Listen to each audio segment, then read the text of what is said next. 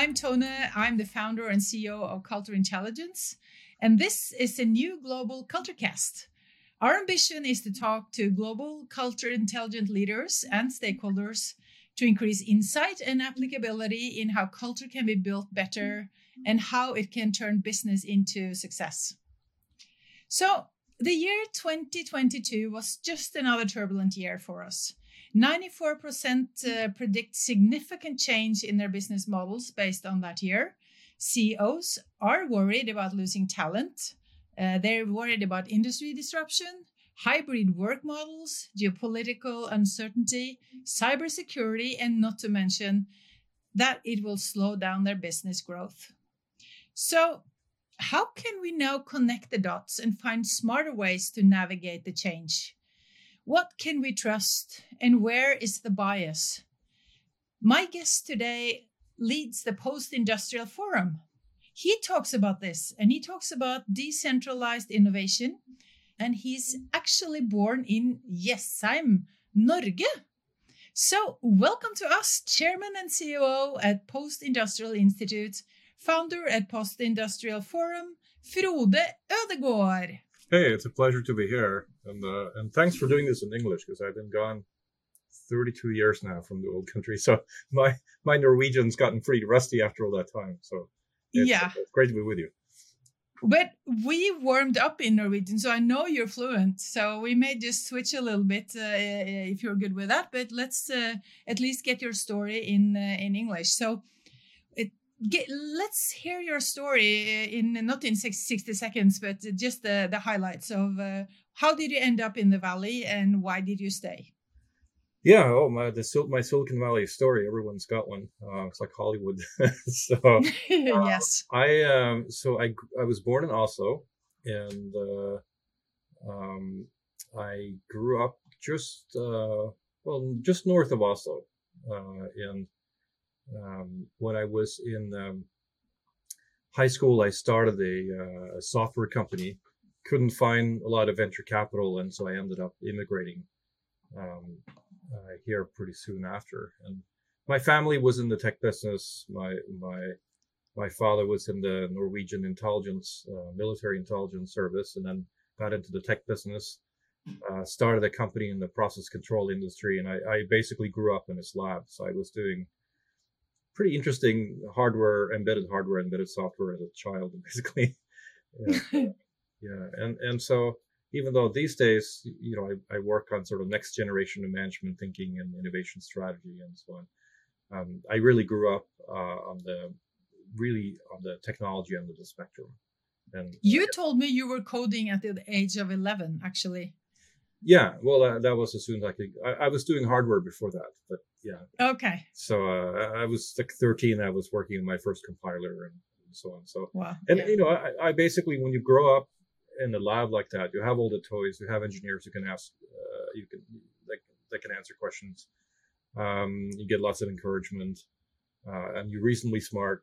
I mean, it's it's a great advantage. So um, yeah. So I, I, sucked up everything like a sponge, and and uh, and uh, you know, much later in life, I learned about you know the challenges of of um, uh, you know the people side of the equation, which is just as difficult, different different kind of problem. Um, yeah. But yeah, yeah, I was just I was very lucky. So that's good. Yeah. And you actually decided to stay in the valley.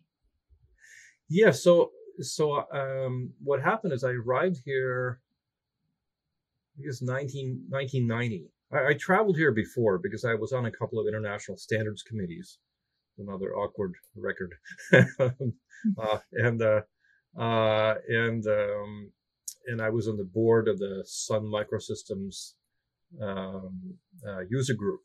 So I co- co-founded the Norwegian chapter with uh, uh, a very interesting Norwegian tech alum you should have on the show sometime, uh, Helge Skrivervik, uh, in in Oslo. Yeah. And um, and then they asked me to run for as a European representative, uh, and um, and Sun Microsystems at the time had a separate nonprofit, which was the user group, and it held conferences and so. And this is this is when the people used Unix workstations were primarily tech people you know, later on it became yeah. more of a business thing. Um, and so it, it, was just a great setting to meet a lot of interesting people. So between my my uh, programming language standardization work in the Sun User Group and so on, I I traveled here. I met some interesting people. So when I arrived here in 1990, I didn't start from scratch. I had some relationships yeah. already, and I was here till 93 or so. And um, I think that's when we had a big California recession uh, it, it, was challenging for a lot of people. I mean, it, it was more challenging than what's happening now. Um, and at the time, at least for Silicon Valley, felt more comparable to what happened in 2008, 2009. So I ended up moving to Southern California for a while, which I found to be a less stressful setting. So I really feel more like a culturally like a Southern California person in many ways. And then about a beach person uh, not so much beach, but just I lived like especially in San Diego for a long time, and it's just it's yeah. light, laid back. Um, there are a lot of incredibly smart people doing technical work there. Uh, and yeah. then I would just travel up to the valley on a regular basis. And then about 13 right. years ago, I moved back up here again because it, yeah. the, the gravity so, so of Silicon Valley was hard to resist. So. Eh, so, so how how was the culture then? We need to talk uh, talk culture here, Frode. So, so what's different? What was different uh, in the valley then the, compared to what it is now? Well, the valley, It said that it's it's said that the valley reinvents itself.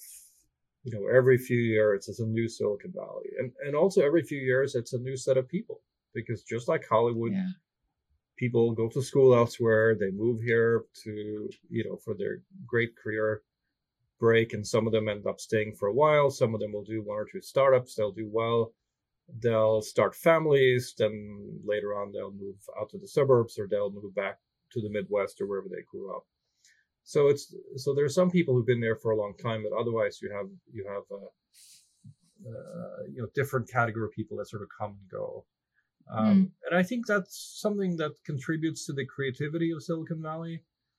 That you you always get new people. There's a lot of immigrants, you know, and and uh, um, I was gonna say don't quote me on this, but you know, we're recording this, so you can. You, yeah, you are on the air, but uh, but uh, I I think I read somewhere that you know 25% of the CEOs here are of Indian descent or something like that. So you have you have a, a tremendous amount of talent pool that's streaming into Silicon Valley on a regular basis.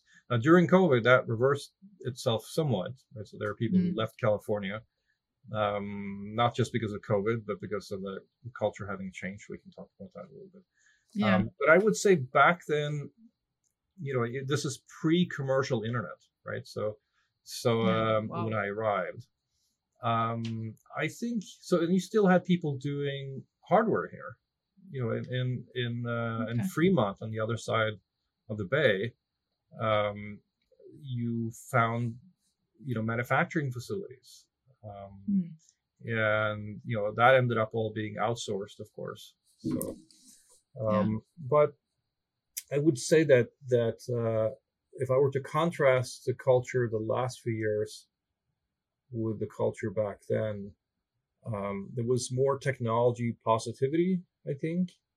Hmm, um, the United States and California is always kind of leading force for good or bad, but but the the the, the culture in the United States and starting with California um, went through a shift of people becoming very passionate about social causes and maybe less focused on building new things and more focused on what can we do with firms as a platform to to right wrongs, whether you agree or disagree with the wrongs or the methods in society. That became sort of the orientation of people.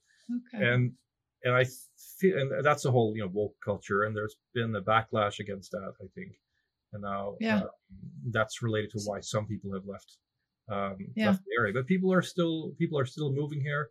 I feel like the culture is shifting back more towards you know building the next new thing now, which I think is good. Um, yeah. And, um, you know, we just uh, held an event um, a week ago focused on generative AI that, that, yeah. that, and that generated a lot of excitement. Uh, and that's, that's a current hot new thing now, generative AI. And, you know, it keeps reinventing itself. So, so, um, yeah. And, and, someone posted this on, on, um, uh, LinkedIn. Uh, gosh, I forget who it was now, but I thought it was really good. Um, that that that Silicon Valley is where generative AI is reg- is uh, is invented, and Europe is where it gets regulated. So the mindset here is much more unafraid of you know let's build stuff. Yeah. Yeah. And, uh, and and and I think the mindset's different elsewhere. Not just Europe, Europe versus Silicon Valley, but also Silicon Valley versus the rest of America. yeah. Like so yeah, that's interesting. So let's let's jump right into that uh, generative AI because uh, I have a lot of questions around that, obviously, and and you're the perfect person to to uh, help uh, shed some light on some of that. And so, uh, for for people that don't really yet know all there is to know about it, can you just just a little bit uh, tell me where are we now with uh, ChatGPT and augmented reality and and and all the generative AI that's that's in the social media? Uh, what would you say? What's the status of of all of that? Oh well, that's a big question. So, well, augmented reality is a whole uh, whole separate thing. Of course, that's related to virtual reality and and uh, and uh, overlaying that with what we can see around us.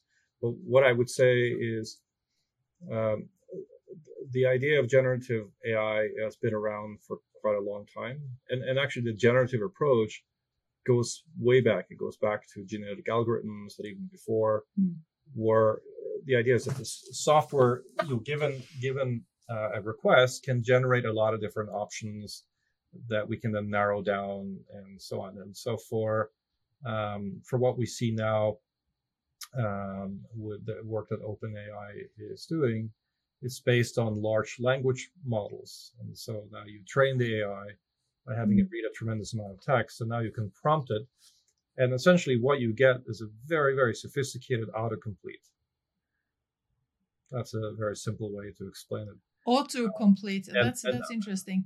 Yeah. yeah. So so so so based on statistical weights and so on, it can yeah it can uh, intelligently guess what you would want it to transform the input to. Now, I'm not an AI expert. I should hasten to add that my my my uh, expertise lies in the area of the future of work and future of organizations and so on. But, yeah, um, we're getting I there. I, I, held a little uh, short talk at our Tuesday uh, event last week about how this relates to organizational transformation, and, the focus for the event was on using it to accelerate innovation. And mm. what you now see is that this technology is powerful enough so that you can use it to help you change code if you're a software developer, uh, to help you write bits of code. Um, I used it back in December to write a bunch of Python code to talk to databases and so on for, for a separate project. And, um, and it does remarkably, does remarkably well.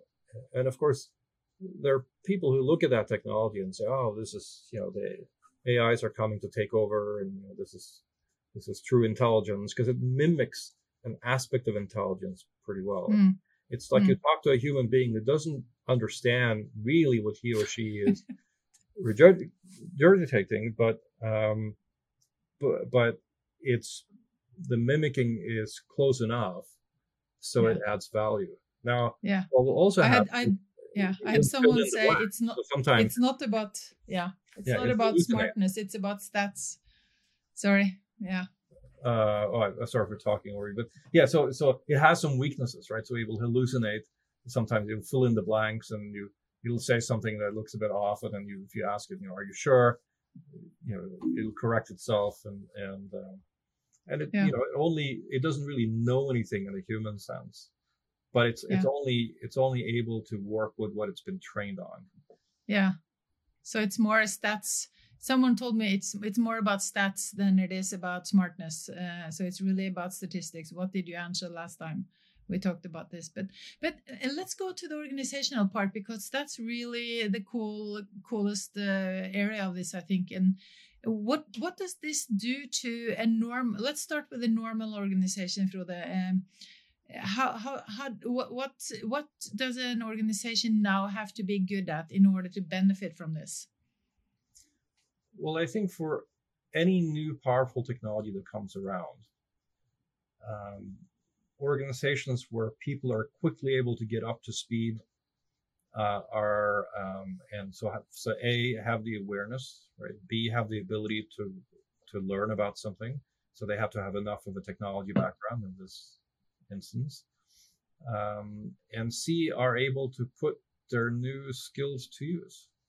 So if you're an organization that insulates you from the outside world focuses you mostly on internal bureaucratic hurdles and you know maneuvering from meeting to meeting and so on um, uh, doesn't um, attract people with a technology background and doesn't encourage people developing uh, those skills, and then basically doesn't encourage or even bans the use of these new technologies, you can imagine the result. Yeah, they're just going to fall yeah. further behind. And and um, so we've talked in, in in the past in in this this field we've talked we've used the term the knowing doing gap, which is the title of a fabulous book I can recommend.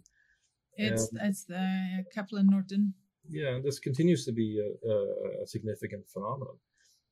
And what what's interesting is that with with uh, generative AI, um, you can help expose some of that, right? Because the the the if you train that technology on on uh, text uh, captured from internal discussions, imagine you have an organization of 50,000 people.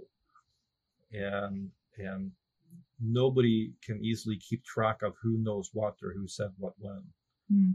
But if you have it read the text of what everyone has said on discussion forums and in uh, in the recorded meetings for the last several years, it can very quickly say, well, you know, uh, Lisa Anderson, you know, back in August of 2018 mentioned a company that was doing X. Mm and maybe we should go talk to them. So, mm. so, so I think that's so. So for for accelerating internal development, just becoming more aware of the knowledge we already have in house is something that that technology can help with. And of course, um, keeping track of what happens on the outside, same thing. Reading yeah. lots of text, summarizing the text, being able to ask questions about the text, and and then you have for any new uh, research and development, it's going to accelerate all of that significantly. Not just on its own, because as I mentioned, it's not flawless. It will make mistakes, mm. um, just like like a human software developer uh, will make a mistake. Um, but you can couple it with other tools that help check the results, or couple yeah. it with other tools that specialize in solving that particular kind of problem.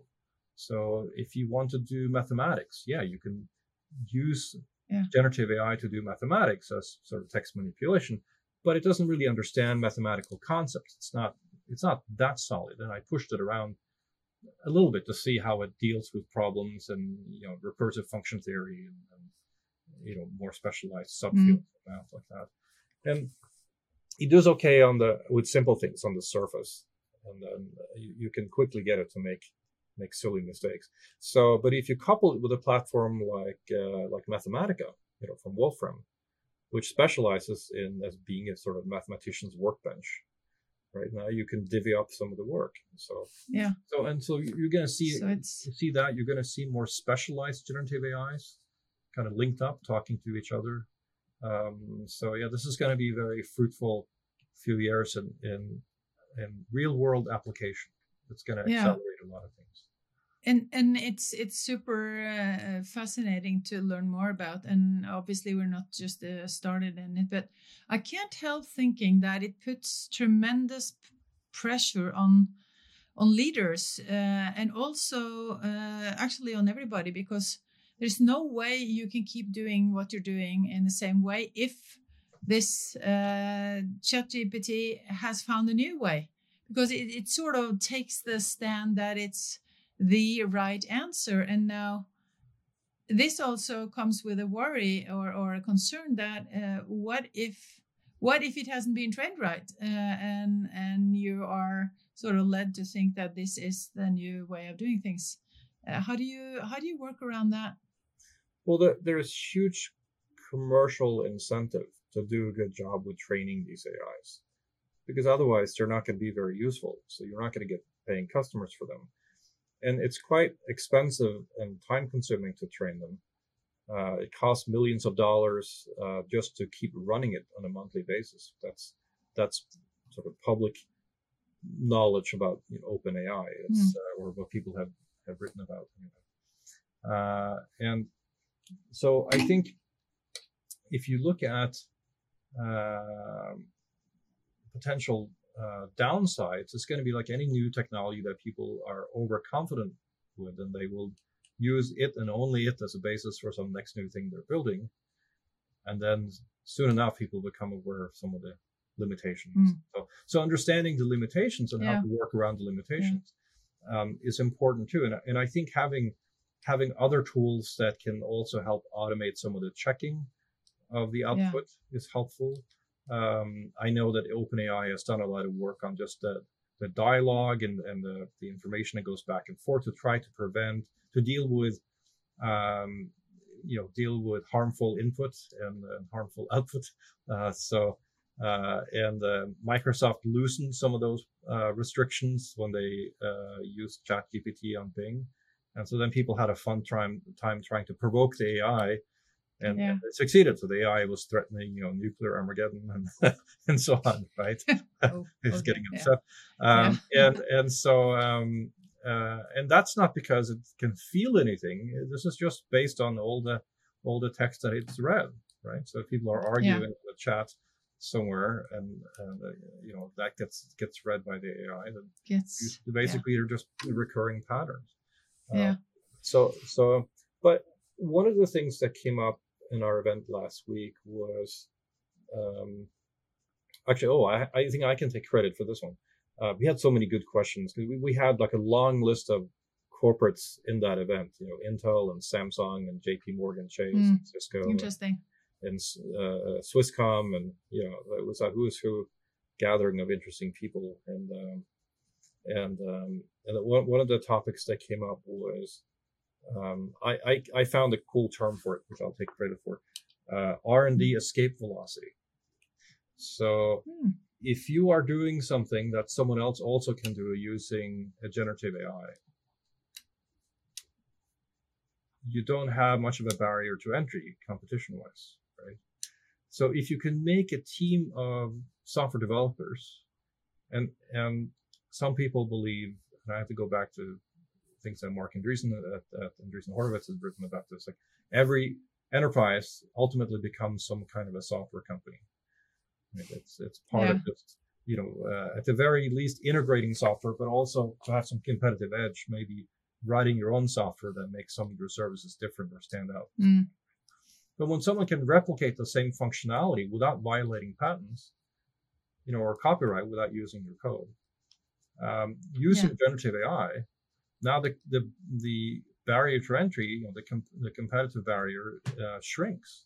So how can you stay mm-hmm. ahead of someone else who's also using generative AI? Yeah, exactly. Right, and and that's not just true for software; it can be true for any kind of new product, yeah. any kind of idea generation. You know, that's that's where it really really shines. Yeah. Um, so this so you, this will be in interesting. So yeah. so I have this question regarding. Um, artificial consciousness because obviously there's uh, there's an ethical side to this. And and I thought the the term I looked up artificial consciousness on a day to day in 2019 I think way before this. And and we talked about how can you train uh, artificial um, anything to get an ethical consciousness to where it doesn't do things that you a normal human human being wouldn't do. So so so how far have we come on that aspect? Well i think so there's there's a few different aspects to that question. So one is the, the work that's been done on trying to preempt uh, you know deal with with harmful input provocative input in some way. Um, and then there's harmful output right? So so, yeah. uh, so ChatGPT tries its very best to prevent output that's too upsetting to people, and that that's partially um, a cultural phenomenon, right? Because yeah. nowadays we're so uh, you know people are offended by things that are just facts. Um, and uh, even though I think there's been a backlash against this horrible woke culture in that way, Uh, we're going more back to just okay, what's common sense? You know, be nice, Mm. behave politely, Mm. Uh, don't disrespect people. But on the other hand, some facts are uncomfortable and you know, they have to be dealt with. Um, I, I think depending on you know the customer, depending on the usage, you'll get different kinds of restrictions.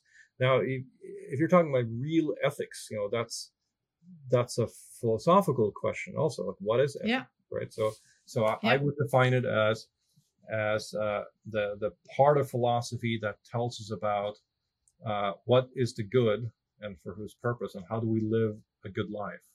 Yeah. The right thing to do. Uh, yeah. And a lot of people just equate it to the the code of ethics that's dominant in the culture where they live. Mm. So, so if you live in a, a in a European country, it might default to you know to Christian ideas of ethics, like like Mm. altruism, being nice to others before you take care of yourself. And you know, I, I I'm an objectivist, so I think you know what's the most important thing for is to act in a rational fashion to to uphold the value of human life, starting with your own, and pursue human flourishing. yeah. And if you grow up in a in an Islamic country, you know, people would have a different kind of answer. And so the way they would want to try to mimic that, because that's the best we can do with an AI, right? They're not sentient and not independent of us. Um, um, the best you can do is to take your your own values and your own thoughts on these these subjects and and try to make it mimic them as much as possible. Yeah. Now, this becomes very interesting when you have AIs interoperating, and that, that is an AI in, interoperability is a pretty new but exciting uh, field. And then you may, they may disagree on how to handle things, Yeah. um, and then you can link that to uh, to a payment scheme to incentivize different kinds of behaviors. And the last part, I think, is is um, concern about using about connecting AIs to physical devices.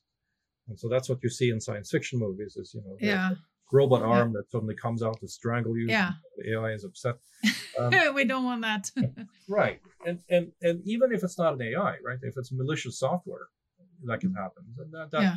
So I would view that just as a, as a security, uh, challenge, right? Computer Yeah. security challenge is, is you, um, and we can use, uh, we can use, uh, encryption technology to limit who has access to physical equipment and, and so on. Okay. That's, Yeah. that's, um, that's, not a new challenge in itself. It's just a, it's about the composition of these various problems. Okay. So so so I think this uh, my hypothesis is that this will be one of the most fascinating and important areas in business for the next years to come. To combine to combine uh, where we're going in uh, software uh, to where we how we want to live values wise and, and how we can integrate the two. So it's it's super uh, fascinating to, to hear your thoughts on it. And and and i know also that you are in the post-industrial forum and you created this to to share ideas and and all that. So tell me a little bit about what what is that forum going to do for us Yeah. So okay. So the the um, so just to backtrack a little bit. So the Post Industrial Institute is a research and advisory firm that I started uh, 18 years ago now. We so we work on what's the future of management science. We help um, investors, primarily private equity, uh, uh, corporate venturing. We advise them on on trends and, and strategies. And we advise large companies on how to transform faster and how to interpret all of these things that are happening around us. And, and we think the, the, the right narrative, the right sort of background theory for all of everything that's happening is that we're transitioning to a, what we refer to as a post-industrial civilization and culture. And that's where we move from centralized production, manufacturing to decentralized production. And, um, and, um, the way we work, the way we live, and also is is starting to decentralize um, more. So now lots of people are working Yeah. from home. Uh, this really was begun by by uh, the commercial internet and smartphones that made it possible to build very capital efficient business models that um, uh, that function in, in a way where you decouple people and assets from firms. So the the forum is an initiative that we started back in 2019. We launched it in the city of London and then in 2020 here uh, at our headquarters in, in Silicon Valley. um, with our our um, uh, anchor partner, which is SRI International, formerly known as the Stanford Research Institute. They host all of our events. And, and the purpose of the forum is to gather um, corporate executives, uh, founders, um, and investors, and also policy people uh, together to talk about how the world is changing, both in terms of new technologies and in terms of new ways of thinking about what work should be like or what work is becoming like, um, mm. and and how organizations are evolving and so on. And, and I think mm. you can you can approach these questions in two different ways. One is to say, well, how do we prevent all the bad things that might happen? You know, so again, that's kind of the risk uh, uh, angle. You know, so that means we have to constrain, regulate, and so on. But in practice, it's almost impossible to do because the rules mm. lag behind. And I think the most ridiculous uh, version of that is when the EU decided that everyone a mo- with a mobile device needed to have a USB-C charger. So my comment on LinkedIn was uh, was basically ein Volk, ein Reich, ein cell phone charger, right? Okay. Uh, yeah. And then you have more of a Silicon Valley mindset uh, traditionally, which has been, well, this is great. You know, let's see what we can build with this. Let's see what comes from this. Let's see yeah. what the uh, what what the advantages are, but also what the disadvantages and problems are. And let's get our hands dirty and get into the guts of this and build stuff and see, you know, how we can make this valuable Hmm. uh, so that people will pay for it, and they will not pay for it unless it unless it adds value to their companies and to their lives. And and so you yeah. have a much more forward-leaning attitude, much more yeah. positive attitude. And so in the in the forum, that's more the values that we have. That's more what we stand for. Right. And um, yeah. And that doesn't mean that we don't confront some of the risks and some of the challenges of this, but this, but the the um, the mindset is well, how do we solve them? you know yeah. how do we find a business in this how do we how do we find how do we create real value as opposed to uh, just worrying yeah and and the regulations uh, yeah and the yeah, regulations yeah that's a so, preemptive that's a it's a it's a kind of a shortcut instead of passing every law you have yeah that's a pre- preventive uh, preemptive systems and and that's just going to hold back human um, flourishing in my view. So. Uh, it, it, the regulation is taking a grip on Norway right now. So so my my sort of my last uh, question is more: Could we copy uh, that forum and have an affiliate in Norway? Is it possible at all to to sort of transfer that culture uh, into into Oslo? Would that uh, or or is it, does it have to be in the valley? Yeah, so so um, it's an open question. So we launched, we intended to have a European side of the post-industrial forum based in London because that seemed to be the center of things.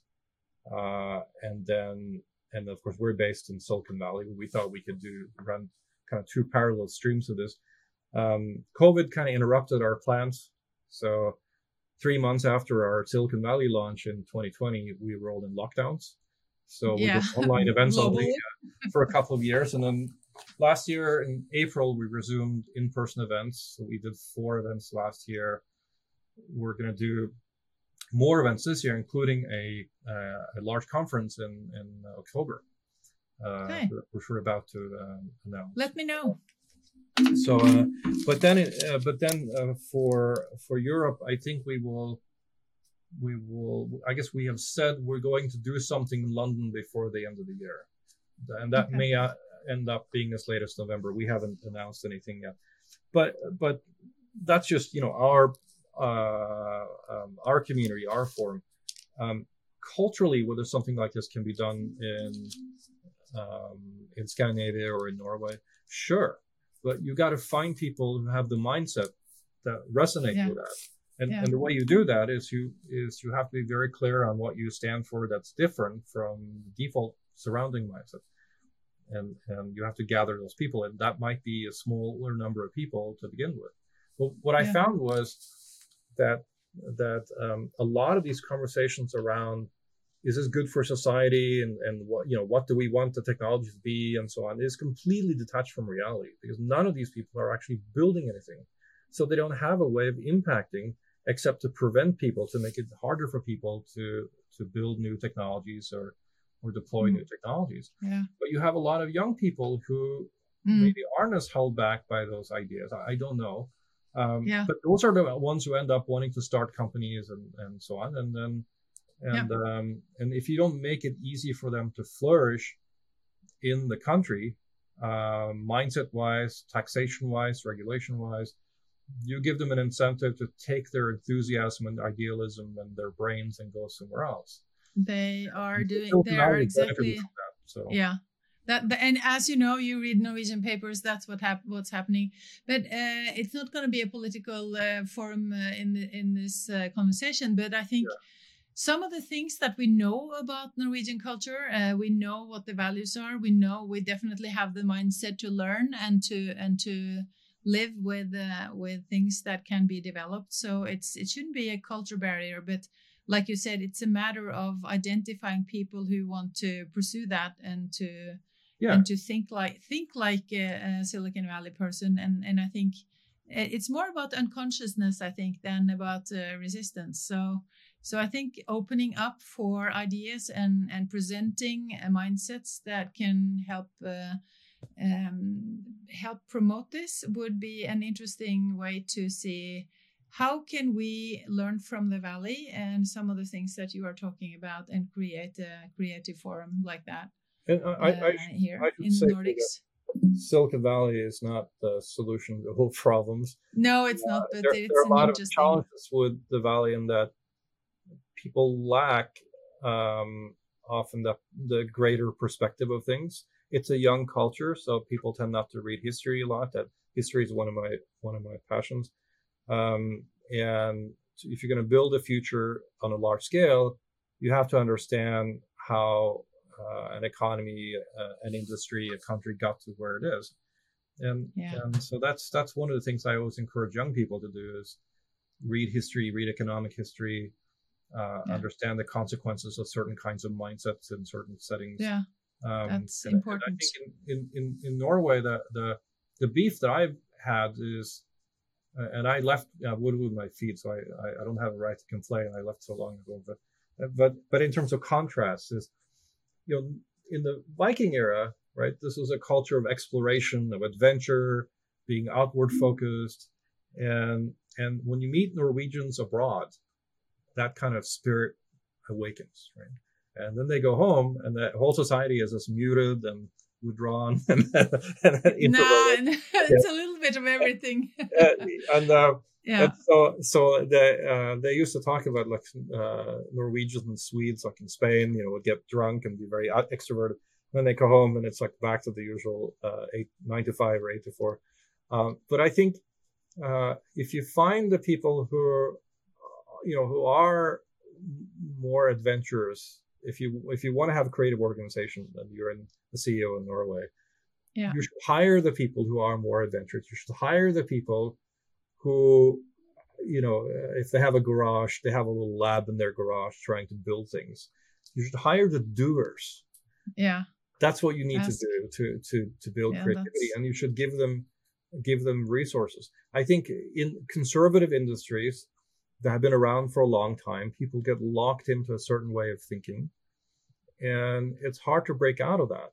And if you have a Yeah. small economy, and and uh, if you look at if you look at um, export versus import, uh, export versus uh, domestic orientation of local businesses, the ones that are very internally focused are going to be more easily sucked into the assumptions that everyone has. And the ones that are able to break out of the usual way of thinking about things, um, you know, are the ones that can help reinvent an industry. But it's it's difficult. In the U.S., it's, It's- easier because you have 330 million yeah. people, right? You can always find some customers. you know, even if you have all kinds of wild and crazy ideas, you can try stuff out. Um, and, and so I think becoming more outward oriented is is another thing that can really help. And and uh, um, and um, so I I don't really have. Yeah. You know, I haven't lived in Norway for so long, so I don't really have any good specific. You need. You, you should come over and live here for a period and see what happens, and, and I am there that would be an year. interesting experiment. Yeah, I'm there twice a year, but only Yeah. when everyone's on vacation. So okay. like everyone's gone for a month. Like I don't understand how this works, but like every, the whole country it's shut down. summer. Yeah, well, that's, that's when you have time. That's when you have should have time to to yeah. do deep work. Um, yeah. And um, and then uh, I'm there sort of Christmas, New Year's, you know, for the fam- okay. that's family time because my parents okay. live there. I have two younger sisters who live there still. So okay, that's so, um, but I I think finding finding the way back to a more sort of uh, expansive culture that that yeah. uh, the country had in the Viking Viking era, you know, uh, more adventurous culture, I think would be good. And You can't no no leader can do that for the country, but you can try okay. to do it more for the company that you run. Okay, so here's here's the final question, through the final question.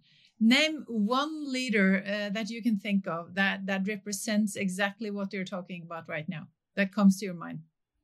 Uh, the most positive, and I I don't know him personally, so so uh, I've only read about him. He, he used to follow me on Twitter, I think. Um, Richard Branson is someone I, I read about as um, yeah a very positive uh, very positive leader looking for a way to say yes mm. to let's go with it let's give it so, a try you know um, yeah that kind of leader uh, and, and, i think interesting um, that's the kind of person you want to work for yeah is you know someone who wants to do something fun you know i think fun is a really underestimated aspect of business if you mm. want to keep uh, uh, smart, yeah. talented people around. Um, and, and, I think what what often happens is, you know, people become adults, they become boring and responsible and afraid of making mistakes. And but if you can keep a little bit of that childlike side, right? Yeah. That wants to play, that wants to explore, uh, that doesn't get too upset by if something goes wrong. Well, we learn from it. You know, you shrug That's and you, you just yeah. you move on and you learn something. Um, I think so, that's, uh, and I don't know that that's what that's we're looking for. But uh, okay, yeah, yeah. Okay, so let's hey, see if we, we can get a hold of him at work. so, okay. Yeah. Okay, Frode, uh, this was great. Uh, I'm going to reach out to Richard Branson and see if he wants to come on the show. Um, I most likely he's busy, but I'll give it a try based on your recommendation, and then we'll see where that goes. And if we fail, we'll find someone else yeah, I'll, I, if, if it fails, I'll I'll I'll uh, I'll get back with you. I'll, I'll recommend someone else. So all right, I, I, don't know him, so I cannot influence him. But I but okay, I we'll, we'll try for a while. So, Okay, but thanks so much for for being with me here, and it's just so interesting to hear all the stuff on the technology side. But, but mostly, I love your combination of of the tech and the people that's really that's really where uh, I think the power sits. So thank you for all of that, and let's keep in touch. Yeah, well, it was fun. Fun to be with you. All right, great. Thank you. All right.